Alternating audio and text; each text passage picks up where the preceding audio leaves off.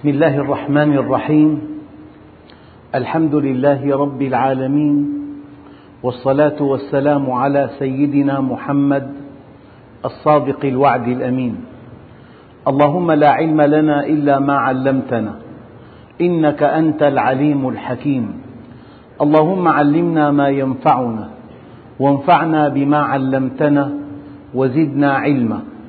وأرنا الحق حقا وارزقنا اتباعه. وأرنا الباطل باطلا وارزقنا اجتنابه. واجعلنا ممن يستمعون القول فيتبعون أحسنه وأدخلنا برحمتك في عبادك الصالحين. أخرجنا من ظلمات الجهل والوهم إلى أنوار المعرفة والعلم ومن وحول الشهوات إلى جنات القربات.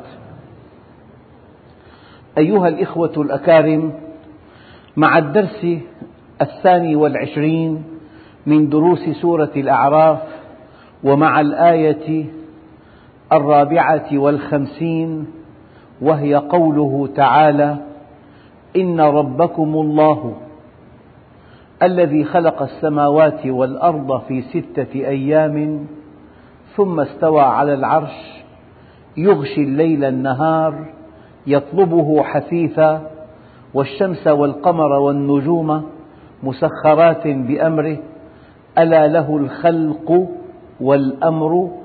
تبارك الله رب العالمين. أيها الإخوة الكرام في عالم الإيمان هناك ربوبية أي أن الله خلق وأمد خلقنا وأمدنا بكل ما نحتاج. هذا مفهوم الألوهية. ولكن حينما يكلفنا أن نعبده هذا مقام الألوهية. مقام الربوبية شيء ومقام الألوهية شيء آخر. لا أحد في الأرض ينكر مقام الربوبية. الدليل ولئن سألتهم من خلق السماوات والأرض ليقولن الله. كافر مؤمن وثني عباد الأوثان يقرون أن الله خلق السماوات والأرض. وهم يعترفون بأنهم ما يعبدون الأصنام إلا ليقربوهم إلى الله زلفى. فحول مقام الربوبية لا خلاف. لأن أصل مقام الربوبية العطاء. خلقنا. منحنا نعمة الإيجاد. منحنا نعمة الإمداد.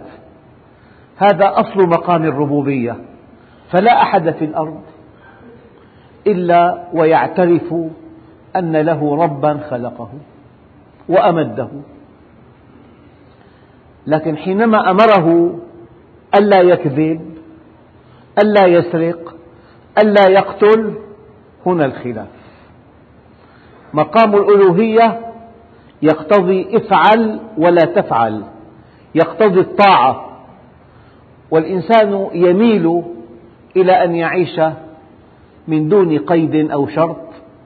وقال الذين كفروا لست مرسلا.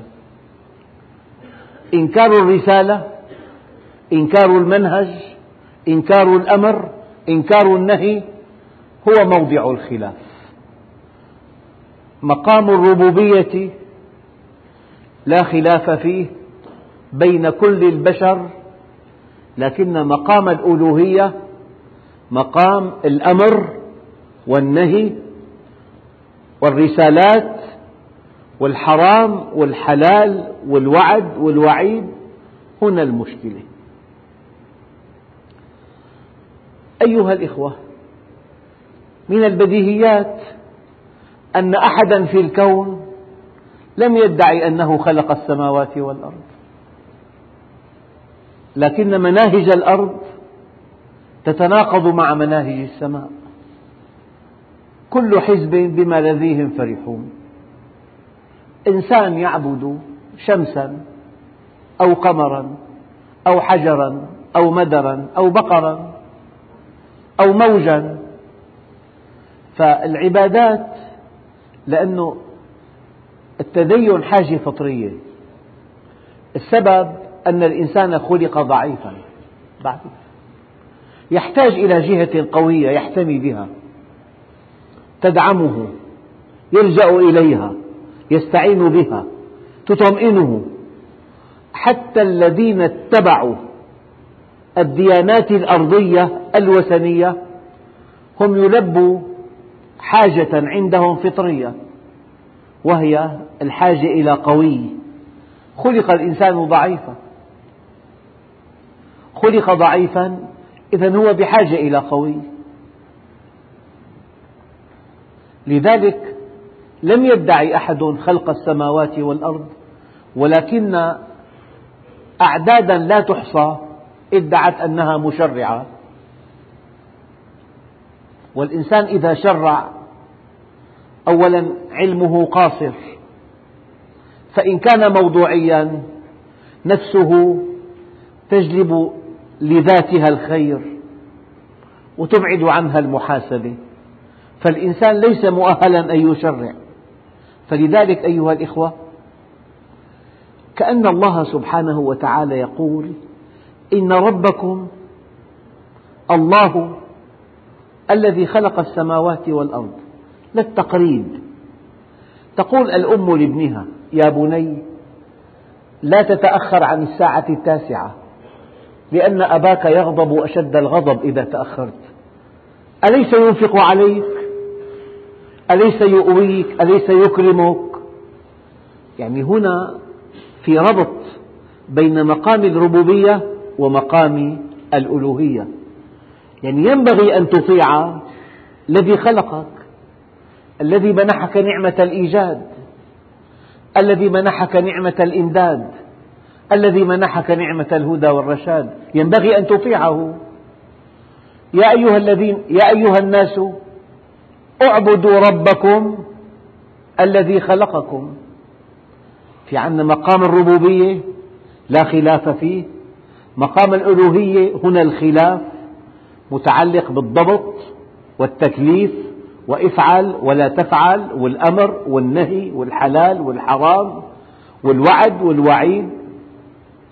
فالآن الآية الكريمة في البقرة يا أيها الناس اعبدوا ربكم الذي خلقكم الذي خلقكم. يعني ينبغي أن تطيع الذي منحك نعمة الإيجاد. ينبغي أن تطيع الذي منحك نعمة الإيجاد. فلذلك قبول التكاليف يتناسب مع فضل الله عليك. من هي الجهة الوحيدة التي ينبغي أن تطيعها؟ إنها الجهة التي منحتك الوجود منحتك السمع والبصر منحتك الشعور منحتك العقل منحتك الزوجة والأولاد منحتك مباهج الدنيا. قبل هذه الآيات فصل الله كثيرا في خلق الإنسان. الآن يفصل الله في خلق السماوات والأرض. الظرف الذي يوجد فيه الإنسان. تصور في إنسان تزوج اشترى بيت أسس البيت هيأ كل ما يحتاج فيه. فهذا البيت بغرفه بغرفة النوم بغرفة الاستقبال بغرفة الجلوس بمرافقه. هذا ظرف وجود الزوجين. فالله عز وجل في آيات سابقة فصل في خلق الإنسان والآن يفصل في خلق الأكوان. لذلك إن ربكم الله الذي خلق السماوات والأرض. السماء كل ما علاك فهو سماء وكل ما أقلك فهو أرض. لكن الذي يلفت النظر أن الله قال السماوات جمع والأرض مفرد. لكن وفي آية يقول الله الذي خلق سبع سماوات ومن الأرض مثلهن وجمع أرض أراضين ولكن كلمة أراضين ثقيلة على اللسان. فجاءت السماوات جمعا وجاءت الأرض فردا. لكن هذا لا يمنع أن يكون هناك سماوات لا تعد ولا تحصى. لأن كلمة سبع سماوات السبع في اللغة لا تعني الكم تعني التكثير. والأراضين لا تعني الكم تعني التكثير. الآن الإنسان لرعونته وجهله تصور بداية العالم. أناس قالوا الكائنات الحية بدأت بمخلوق وحيد الخلية. هذا المخلوق تطور وتطور وتطور من البر إلى البحر ثم إلى البر ثم أصبح قردا ثم أصبح إنسانا. هذه نظرية داروين؟ وكل, وكل جهة تتصور بداية العالم. لكن الله عز وجل ينفي كل هذه التصورات. قال ما أشهدتهم خلق السماوات والأرض. يعني للتقريب. واحد اشترى محل بأحد أسواق دمشق. بعد ما اشتراه بعشرين سنة تزوج وأنجب ولد. والولد كبر. وجالس الابن مع أبوه في سهرة. قال أنا اشتريت محل بزماني فرضا بخمسة آلاف دفعت ثمنه. قال له ابنه لا غلط بابا. أنت أخذته بعشرة. طلع فيه قال له أنت كنت معي وقتها؟ كنت أنت؟ ما أشهدتهم خلق السماوات والأرض ولا خلق أنفسهم. هالتنطع هالرعونة في الفهم؟ أنا والله كتعليق ولا تفاجؤون به. أنني أيقنت أخيرا بنظرية داروين. لكنها معكوسة. كان إنسانا فأصبح قردا. يعني مسخ الإنسان قردا. مسخ قردا وخنزيرا. القرد يعبد شهوة البطن والخنزير يعبد شهوة الفرج. إذا شهوة البطن استغرقت الإنسان فهو قرد. وإذا شهوة الفرج استغرقت الإنسان فهو خنزير.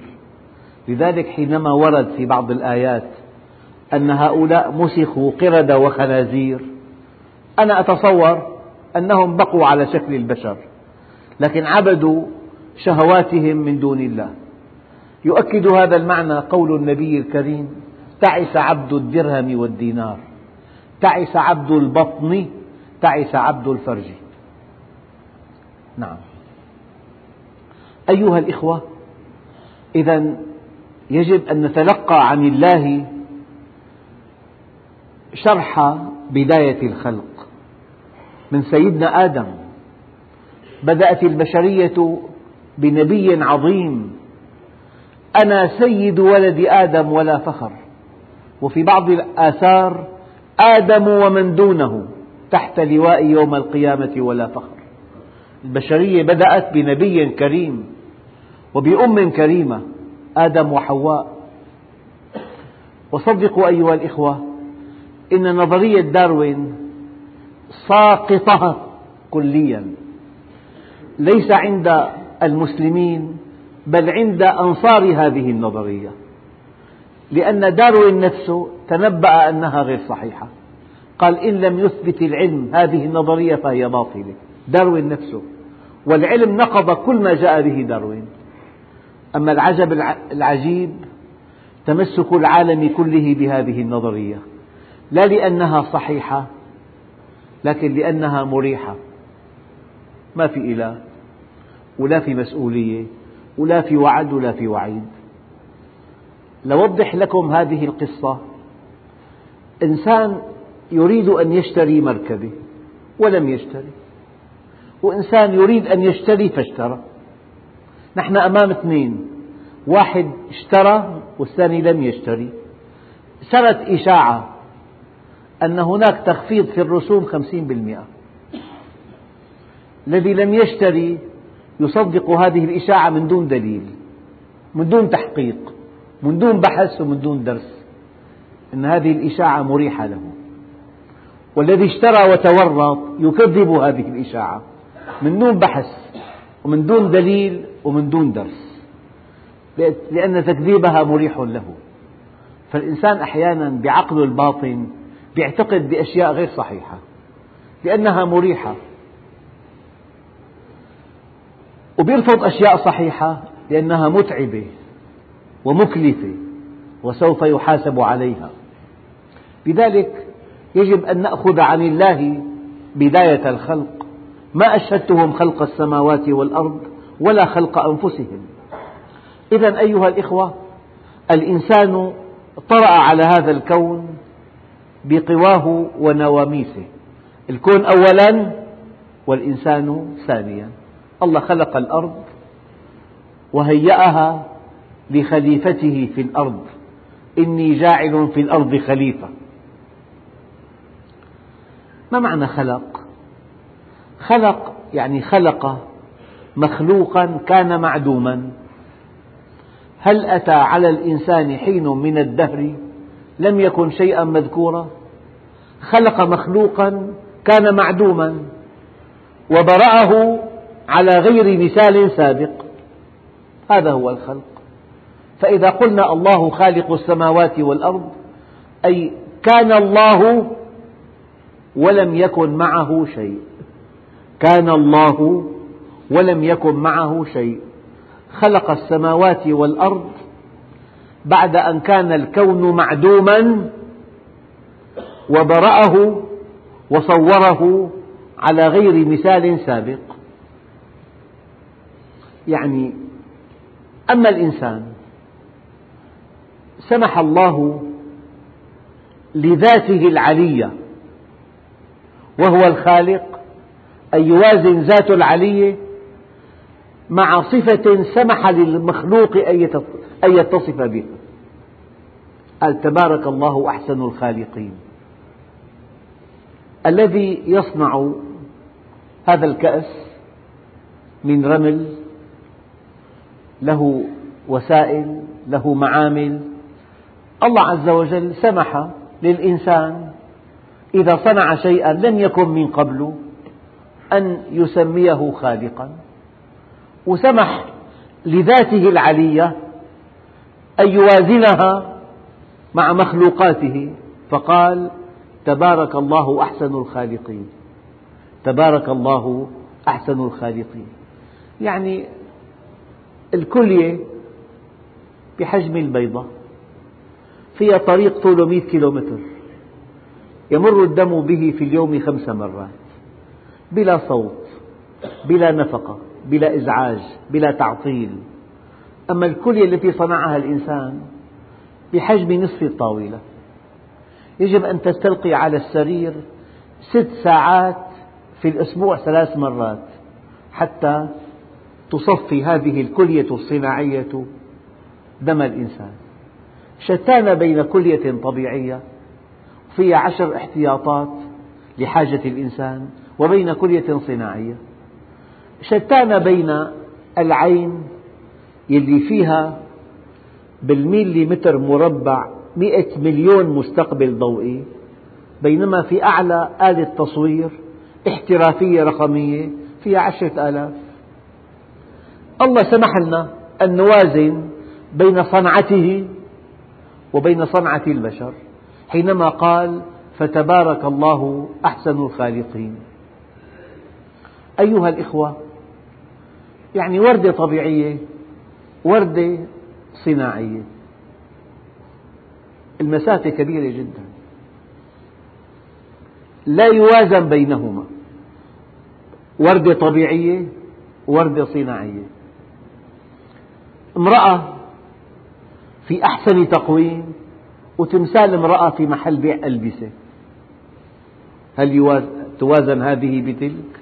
هي كائن مخلوق له فكر له إحساس له مشاعر في حياة في إشراق.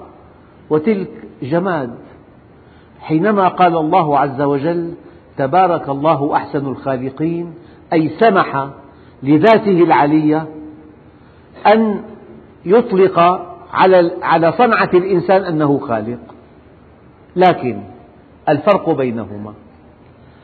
الله جل جلاله خلق شيئا كان معدوما. خلق كل شيء من لا شيء. وعلى غير مثال سابق. الإنسان خلق شيئا من كل شيء. وعلى مثال سابق. هذا الفرق. الله عز وجل خلق كل شيء من لا شيء. وعلى غير مثال سابق.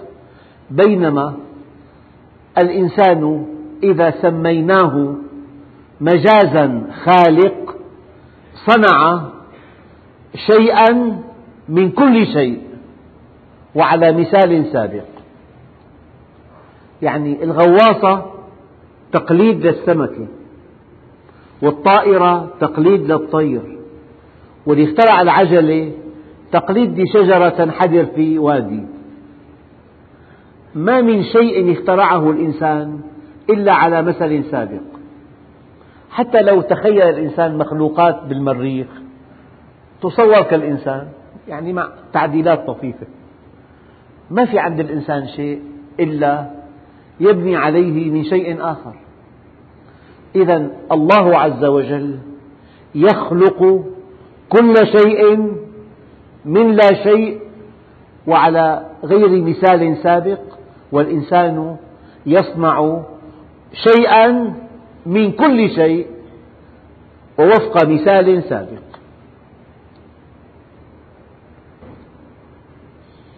لكن الله عز وجل أو الإنسان حينما صنع هذا الكأس ما عنده إمكان يصنع كأس ذكر وكأس أنثى. وبعد فترة يجينا شي مليون كأس من هذين الكأسين.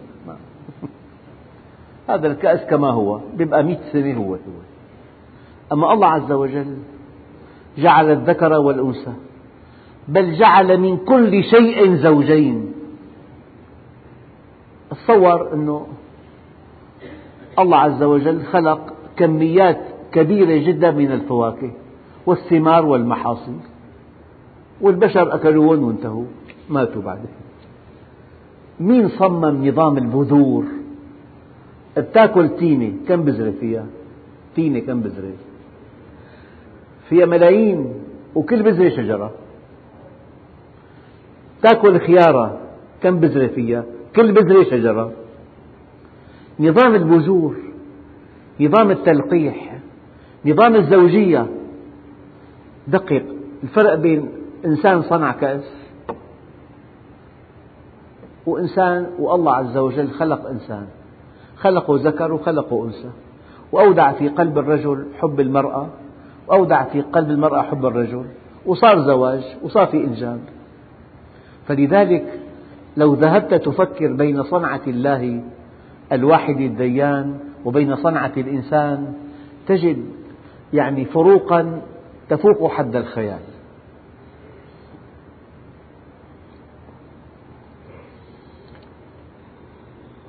أيها الإخوة الآية الكريمة إن ربكم الله الذي خلق السماوات والأرض. السماء كل ما علاك فهو سماء. يعني واحد أحيانا ينظر إلى الكرة الأرضية يلاقي أستراليا هنا. يعني أنت إذا سافرت إلى أستراليا ترى السماء تحت انظر إلى كرة أرضية مجسمة. تلاقي أستراليا. يعني اتجاه نحو الأسفل. أنا سافرت أستراليا. السماء نحو الأعلى. ما هي السماء؟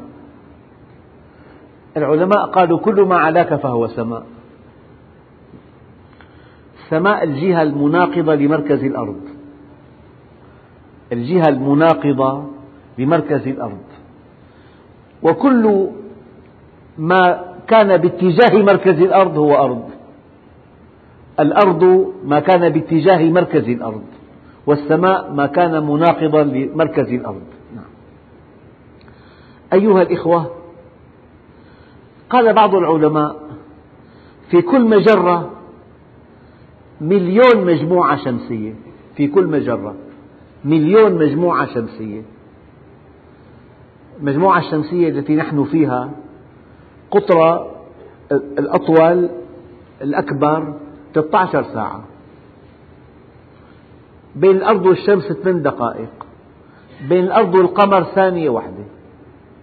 وفي نجوم بعدها عنا 20 مليار سنة ضوئية. المجموعة الشمسية كلها 13 ساعة. عرضها ثلاث ساعات. الأرض والقمر ثانية ضوئية. الأرض والشمس من دقائق. أما المجموعة الشمسية كلها على درب التبابنة نقطة. فكل مجرة فيها مليون مجموعة شمسية وبكل مجموعة شمسية فيها أرض. يعني كوكب منطفئ يتلقى نوره من كوكب ملتهب. بعضهم لو أن العلوم في المستقبل اكتشفت أن هناك كائنات حية على كواكب أخرى شيء طبيعي جدا لأن الله سبحانه وتعالى قال ومن آياته خلق السماوات والأرض وما بث فيهما من دابة. ومن آياته خلق السماوات والأرض وما بث فيهما في السماوات والأرض من دابة. إذا كل ما علاك فهو سماء وكل ما أقلك فهو أرض. إن ربكم الله الذي خلق السماوات والأرض في ستة أيام. هل تصدقون أيها الإخوة أن كلمة يوم وردت في القرآن الكريم 365 مرة؟ بعدد أيام العام. وهذا من الإعجاز من الإحكام الحسابي الإحكام الحسابي. في عنا آية بالقرآن الكريم تفصيلية لخلق السماوات والأرض. في عنا سبع آيات إجمالية. الآيات التي وردت فيها أن الله خلق السماوات والأرض في ستة أيام ثماني آيات. لكن واحدة من هذه الآيات في تفصيل. قل أئنكم لتكفرون بالذي خلق الأرض في يومين. وتجعلون له أندادا ذلك رب العالمين. وجعل فيها رواسي من فوقها وبارك فيها وقدر فيها أقواتها في أربعة أيام سواء للسائلين. ثم استوى إلى السماء وهي دخان فقال لها وللأرض ائتيا طوعا أو كرها. قالتا أتينا طائعين. فقضاهن سبع سماوات في يومين وأوحى إلى وأوحى في كل سماء أمرها وزينا السماء الدنيا بمصابيح وحفظا ذلك تقدير العزيز العليم. بحسب الآية ثمان أيام يومين بأربعة بيومين. لكن في بحث طويل أن هناك يومين مشتركين بين خلق السماوات وخلق الأرض. فهذا التفصيل ينتهي إلى ستة أيام أيضا. لذلك أيها الإخوة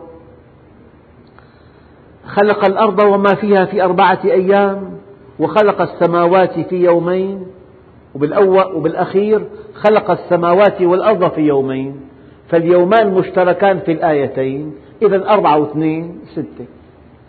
في تعليقات خواطر إيمانية أن اليوم هو الدور لأنه هي الشمس خلقت بعد خلق السماوات والأرض.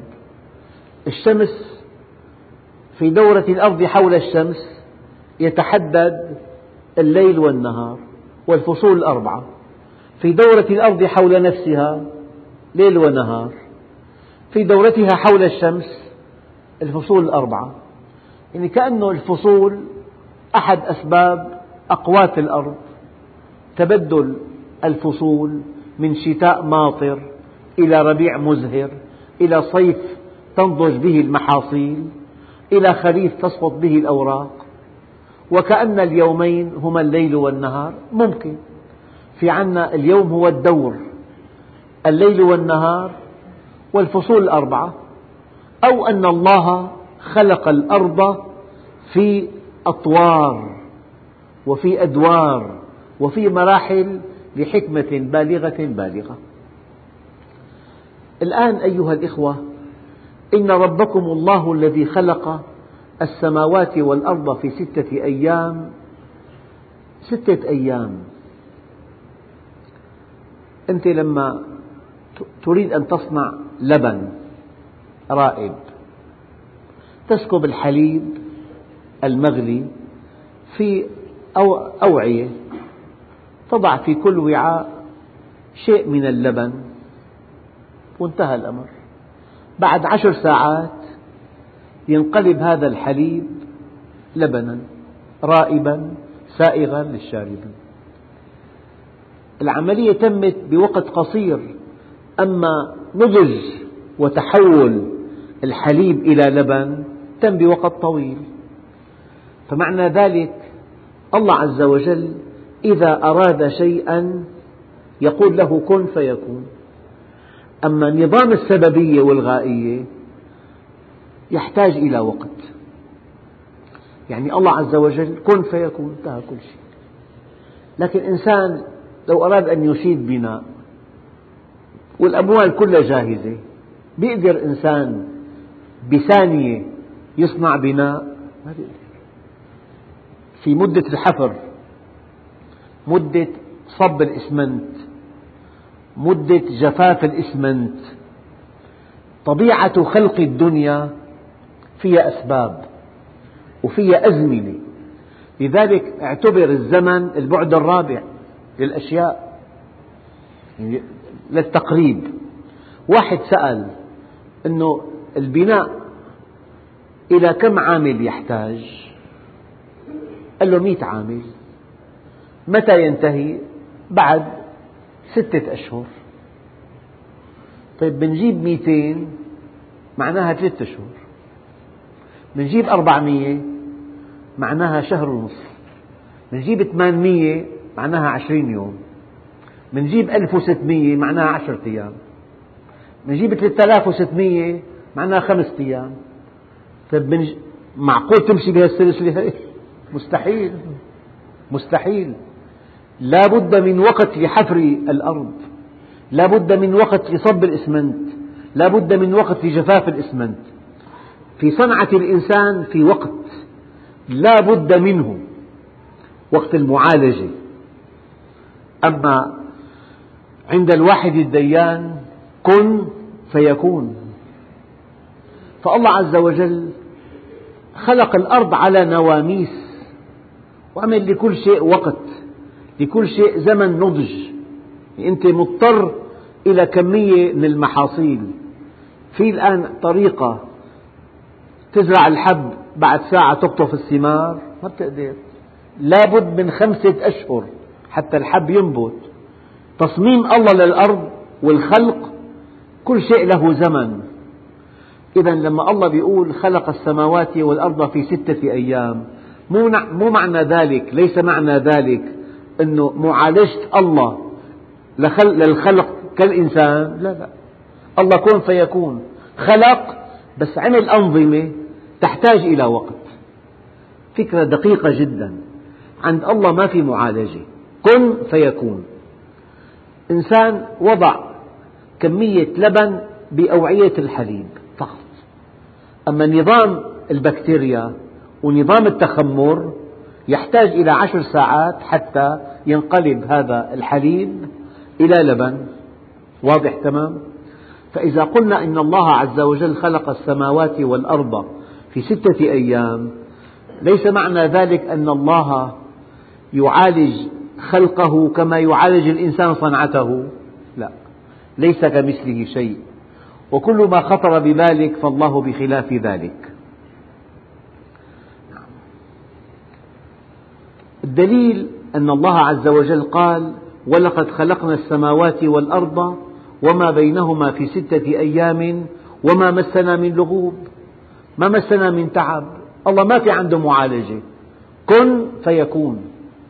أما الإنسان لو أراد أن يصل إلى حلب بده خمس ساعات بالطائرة ساعة لابد في وقت. الوقت هو البعد الرابع للأشياء. إذا لكن الله عز وجل أراد أن يعلمنا. يعني الله جعل لكل شيء قدر. لكل شيء وقت. لكل شيء زمن. لكل شيء فترة. فيا أيها الإنسان لا تستعجل. الله إن ربكم الله الذي خلق السماوات والأرض في ستة أيام ثم استوى على العرش. معنى استوى على العرش يعني تم كل شيء. الإمام مالك سئل ما الاستواء؟ قال الاستواء معلوم والكيف مجهول والسؤال بدعة. وقال للسائل قم عني. الاستواء معلوم والكيف مجهول. نحن غير مسموح لنا أبدا أن نتفكر في ذات الله. تفكروا في مخلوقات الله ولا تفكروا في ذاته فتهلكوا. مسموح لنا أن نتفكر في مخلوقات الله لا في ذات الله عز وجل. لذلك الآيات القليلة جدا المتعلقة بذات الله أكمل موقف منها أن تفوض معناها إلى الله. يد الله فوق أيديهم. أنا يا ربي أفوضك بمعنى أن يدك فوق أيديهم. وجاء ربك تبارك اسم ربك ذي الجلال والإكرام. أيها الإخوة الآيات القليلة التي تتحدث عن ذات الله أكمل موقف في تفسيرها التفويض. وقد يليه التأويل يعني يد الله قدرته وجاء ربك جاء أمره. سميع بصير أي عليم بكل شيء. أما التجسيد عقيدة فاسدة والتعطيل عقيدة فاسدة. أربع كلمات. تفويض وتأويل مقبولان أما التجسيد والتعطيل مرفوضان. استوى على العرش. المعنى المألوف قيل أهكذا عرشك؟ العرش سرير الملك. أما العرش الذي أراده الله بهذه الآية؟ الله أعلم. لعله الكون بأكمله. كان الله ولم يكن معه شيء فخلق الخلق. لعل العرش تمام التمكن. تمام. تمام كل شيء.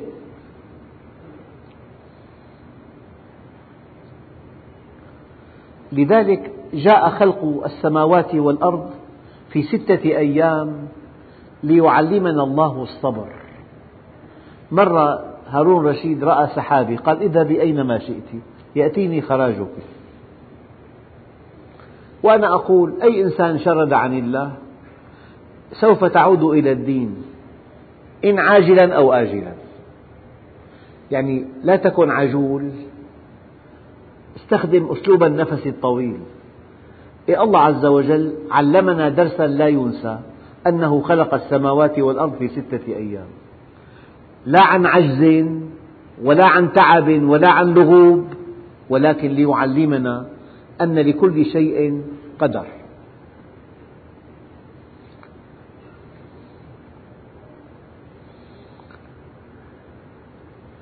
أيها الإخوة ثم استوى على العرش يغشي الليل النهار. الإنسان مكلف أن يعبده مكلف بالعمل العمل حركة والحركة تحتاج إلى جهد وبذل الجهد يحتاج إلى راحة. لذلك الله خلق الليل والنهار جعل النهار معاشا وقت حركة وعمل وكسب وجعل الليل لباسا وقت راحة واسترخاء. ولكن البشر عكسوا الآية. جعلوا النهار للنوم والليل للعمل. أي من مفارقات الحياة.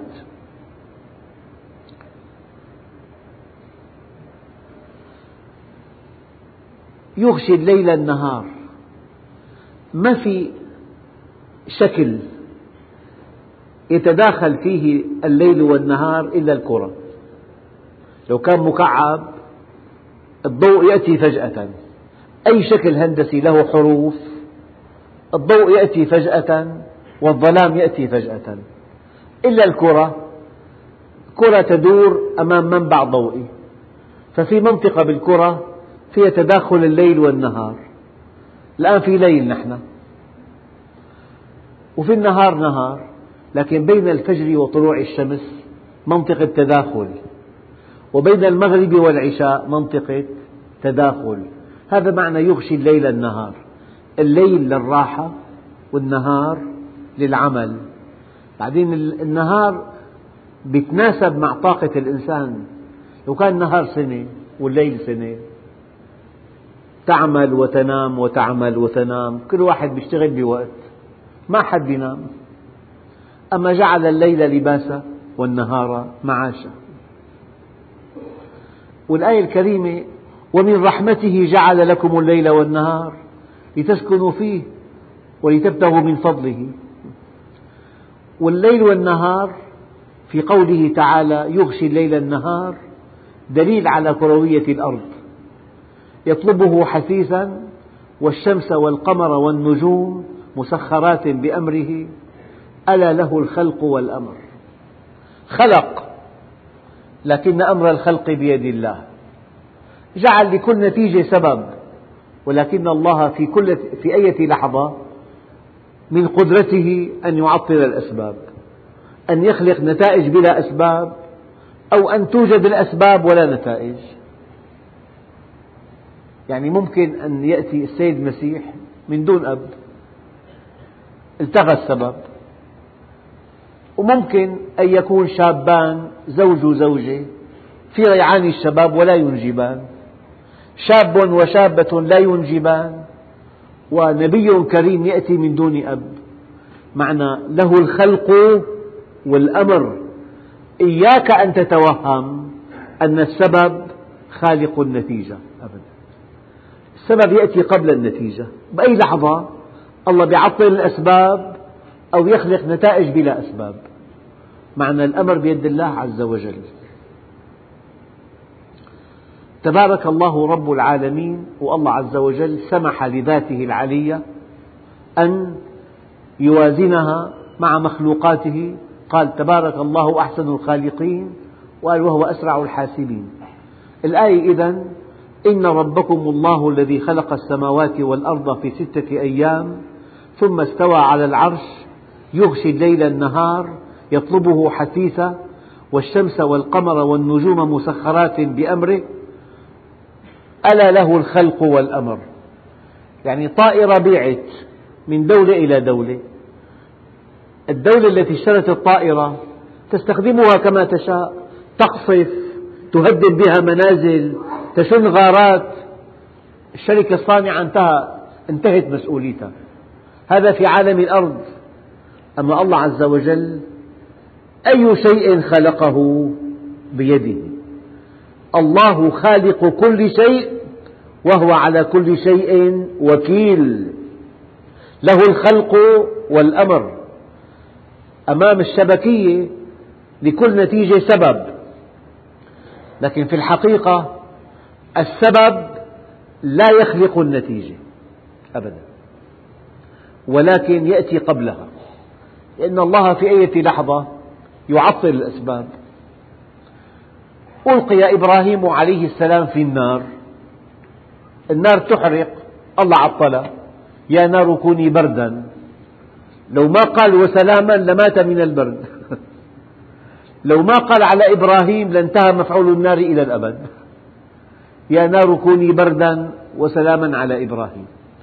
بالأخير إن ربكم الله الذي خلق السماوات والأرض في ستة أيام لا من تعب وما مسنا من لغوب.